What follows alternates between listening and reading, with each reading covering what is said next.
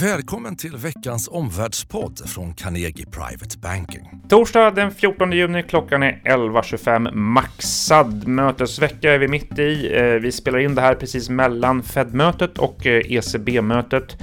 Trump har ju träffat Kim Jong-Un i Singapore. Det har tidigare då varit ett G7-möte som världen kanske har tagit lite för lätt på. Imorgon är det Bank of Japan-möte också. Det vi ska prata om nu är just Fed-mötet, världshandeln i ett mer allvarligt läge och också något om läget i svensk politik. Vad ska investerare hålla koll på? Tre analyser på tio minuter om vad som händer i världen.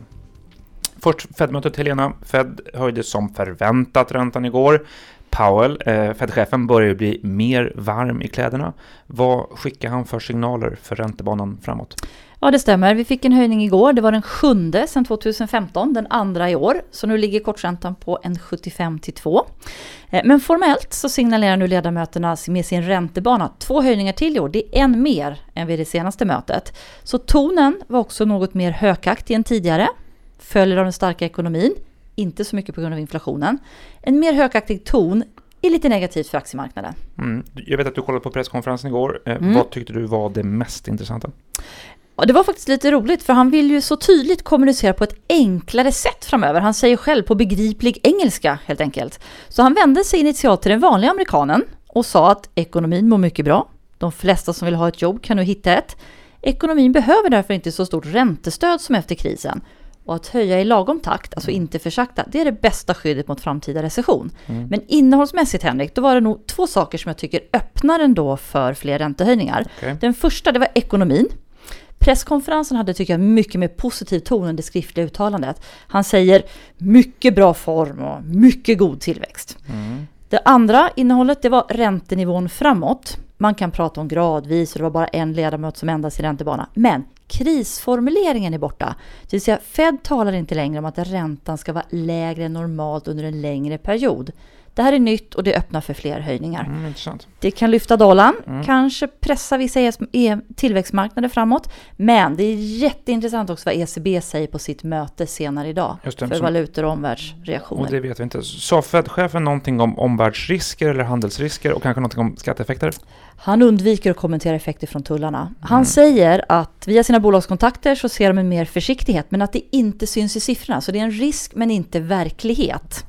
Skattesänkningar, det är han väldigt tydlig. Det här kommer lyfta efterfrågan i ekonomin avsevärt. avsevärt. Det gör att ekonomin tål högre ränta utan att bromsa in. Men när det kommer till inflationseffekterna från skatteförändringar, då är de mer ovissa. Han pekar på att skattesänkningar det kan lyfta investeringar, öka produktiviteten. Det kan också öka utbudet av arbetskraft och då håller det tillbaka inflationen lite. Mm. Så vad blir din slutsats?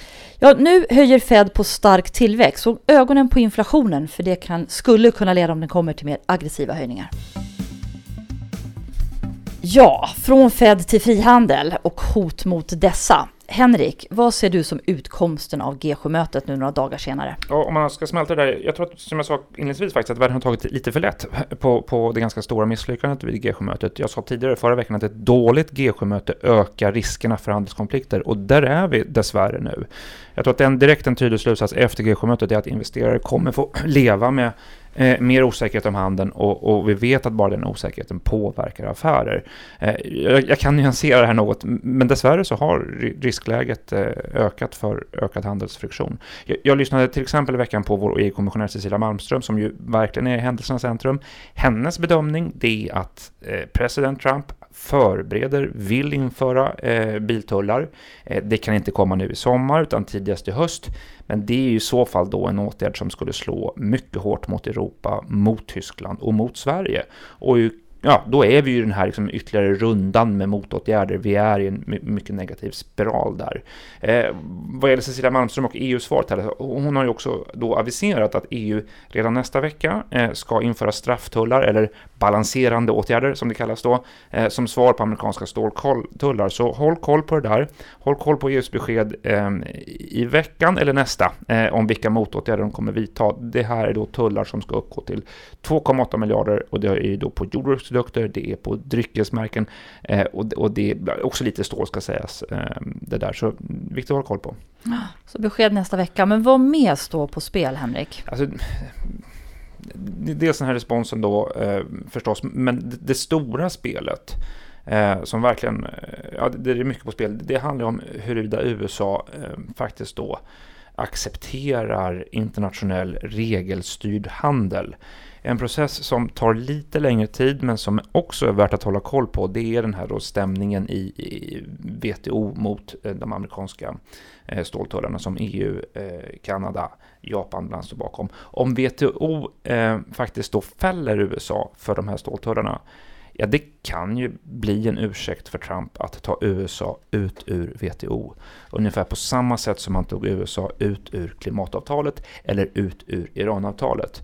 Eh, det där är ju hög grad disruptivt för världsekonomin. Eh, en världshandel som blir mer unilateral, mer transaktionell än institutionell då, eh, det skulle slå hårt mot till exempel Sverige, som är ett relativt litet land. Vi har små förutsättningar att skapa mm. marknadsaccess genom unilaterala överenskommelser. Risker, risker och eskalering. Ja, Men du nämnde att du skulle nyansera bilden, Henrik. Alltså, Låt höra så här, det, det, det, är ju ett vanligt rubrik i tidningen att prata om ett globalt handelskrig. Eh, alltså notera att det, konflikterna är fortfarande mycket kopplat till USAs tullar mot olika andra länder. Det är inte ett, en situation eh, med allas handelskrig mot alla. Det, det, är väl viktigt att påpeka. Du kan till och med säga att andra delar, just eh, Europa, ehm, Kanada och Japan, stora ekonomier, deras respons är ju, stärker ju deras engagemang för mm. frihandel. EU har fått en mer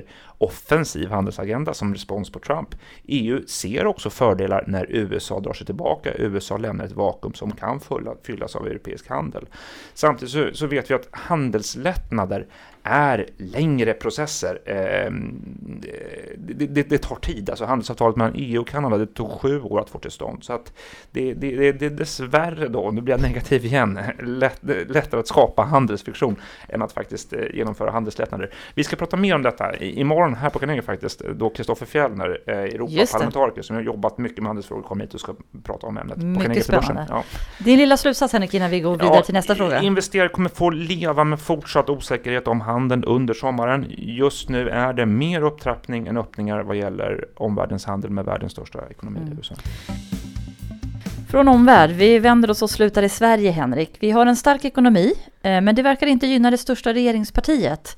Hur ser det politiska läget ut knappt 90 dagar före valet? Jag brukar beskriva det i tre siffror eh, och något förenklat som 40-40-20. 40% för de rödgröna, 40% för Alliansen och 20% för Sverigedemokraterna. Eh, trenden är att Socialdemokraterna tappar, SD växer och Moderaterna planar ut. Ja, vad betyder det här läget då om man är svensk privatinvesterare? S har gått höger i migrationsfrågor under våren, räknar med att de nu kommer att gå vänster i ekonomisk politik. De tappar opinionsstöd som sagt, de måste ta risk, de måste rock the boat, de måste få en annan konversation med väljare, gå från migration till välfärdsfrågor. Det där kan leda till att, eh, som det brukar göra eh, just 90 dagar före ett val eller ett kvartal före ett val, att den politiska osäkerheten kommer att öka. Eh, S kommer vara måna om att säga att det svenska skattetrycket generellt inte ska höjas. Samtidigt som de lär säkert återkomma till frågan om beskattning eh, av, av förmögna. Eh, det kan handla om svenskar som bor utomlands i Portugal. Eh, det kan handla om nya kapitalskatter som, som, som riktas mot eh, investerare. Mm. Vad kan det betyda i konkreta förslag då? Det Vad är det du hör? spekulera i. Socialdemokraterna har över tid pratat upp efterfrågan på höjda kapitalskatter genom att beskriva problem med förmögenhetsfördelning och problem med fördelning av kapitalvinster. Samtidigt så vet vi, och det vet också Socialdemokraterna, att det är svårt att genomföra nya förmögenhetsskatter, kapital är mycket rörligt. Ett förslag som däremot är mer eh, genomförbart och, och framtaget, det är det förslag som regeringen tidigare har backat ifrån, nämligen ett förberett förslag om skärpta ägarskatter eller skärpta 3:12-regler, utdelningsregler där S både vill höja skattesatsen och skärpa regelverket. Det där kan eh, dammas av och, mm. och, och, motiveras nu på nytt då, eh, och, eh, med positiva fördelningseffekter. Det där kan kallas för en ny miljonärsskatt. Ah. Jag tror att investerare ska inte vara förvånade om det förslaget kommer tillbaka i valrörelsen. Eh, mm. Är det så, Henrik, att S kanske vill vinna valet på skärpta ägarskatter? Ja, alltså det, det, där är en bra konflikt som, som kan kallas då för skatter mot välfärd. Eh, dessutom kan det ju eh, tillsammans med en stark svensk tillväxt, det går verkligen bra för Sverige, eh, och ett stort reformutrymme så kan ju det användas för att finansiera ett rekordstort då kanske välfärdslöfte eller välfärdsreform från Socialdemokraterna. Vad kan det vara? Maxtaxa 2.0, mm. eh, en sjätte semestervecka, eh, ytterligare kraftigt höjda barnbidrag kanske. Eh, eh, en sån stor välfärdsreform som Alliansen eh, kanske, inte, kanske får svårt att vara för. Då. Möjligen är det så Socialdemokraterna vill mm. spela ut valrörelsen. Och den korta slutsatsen?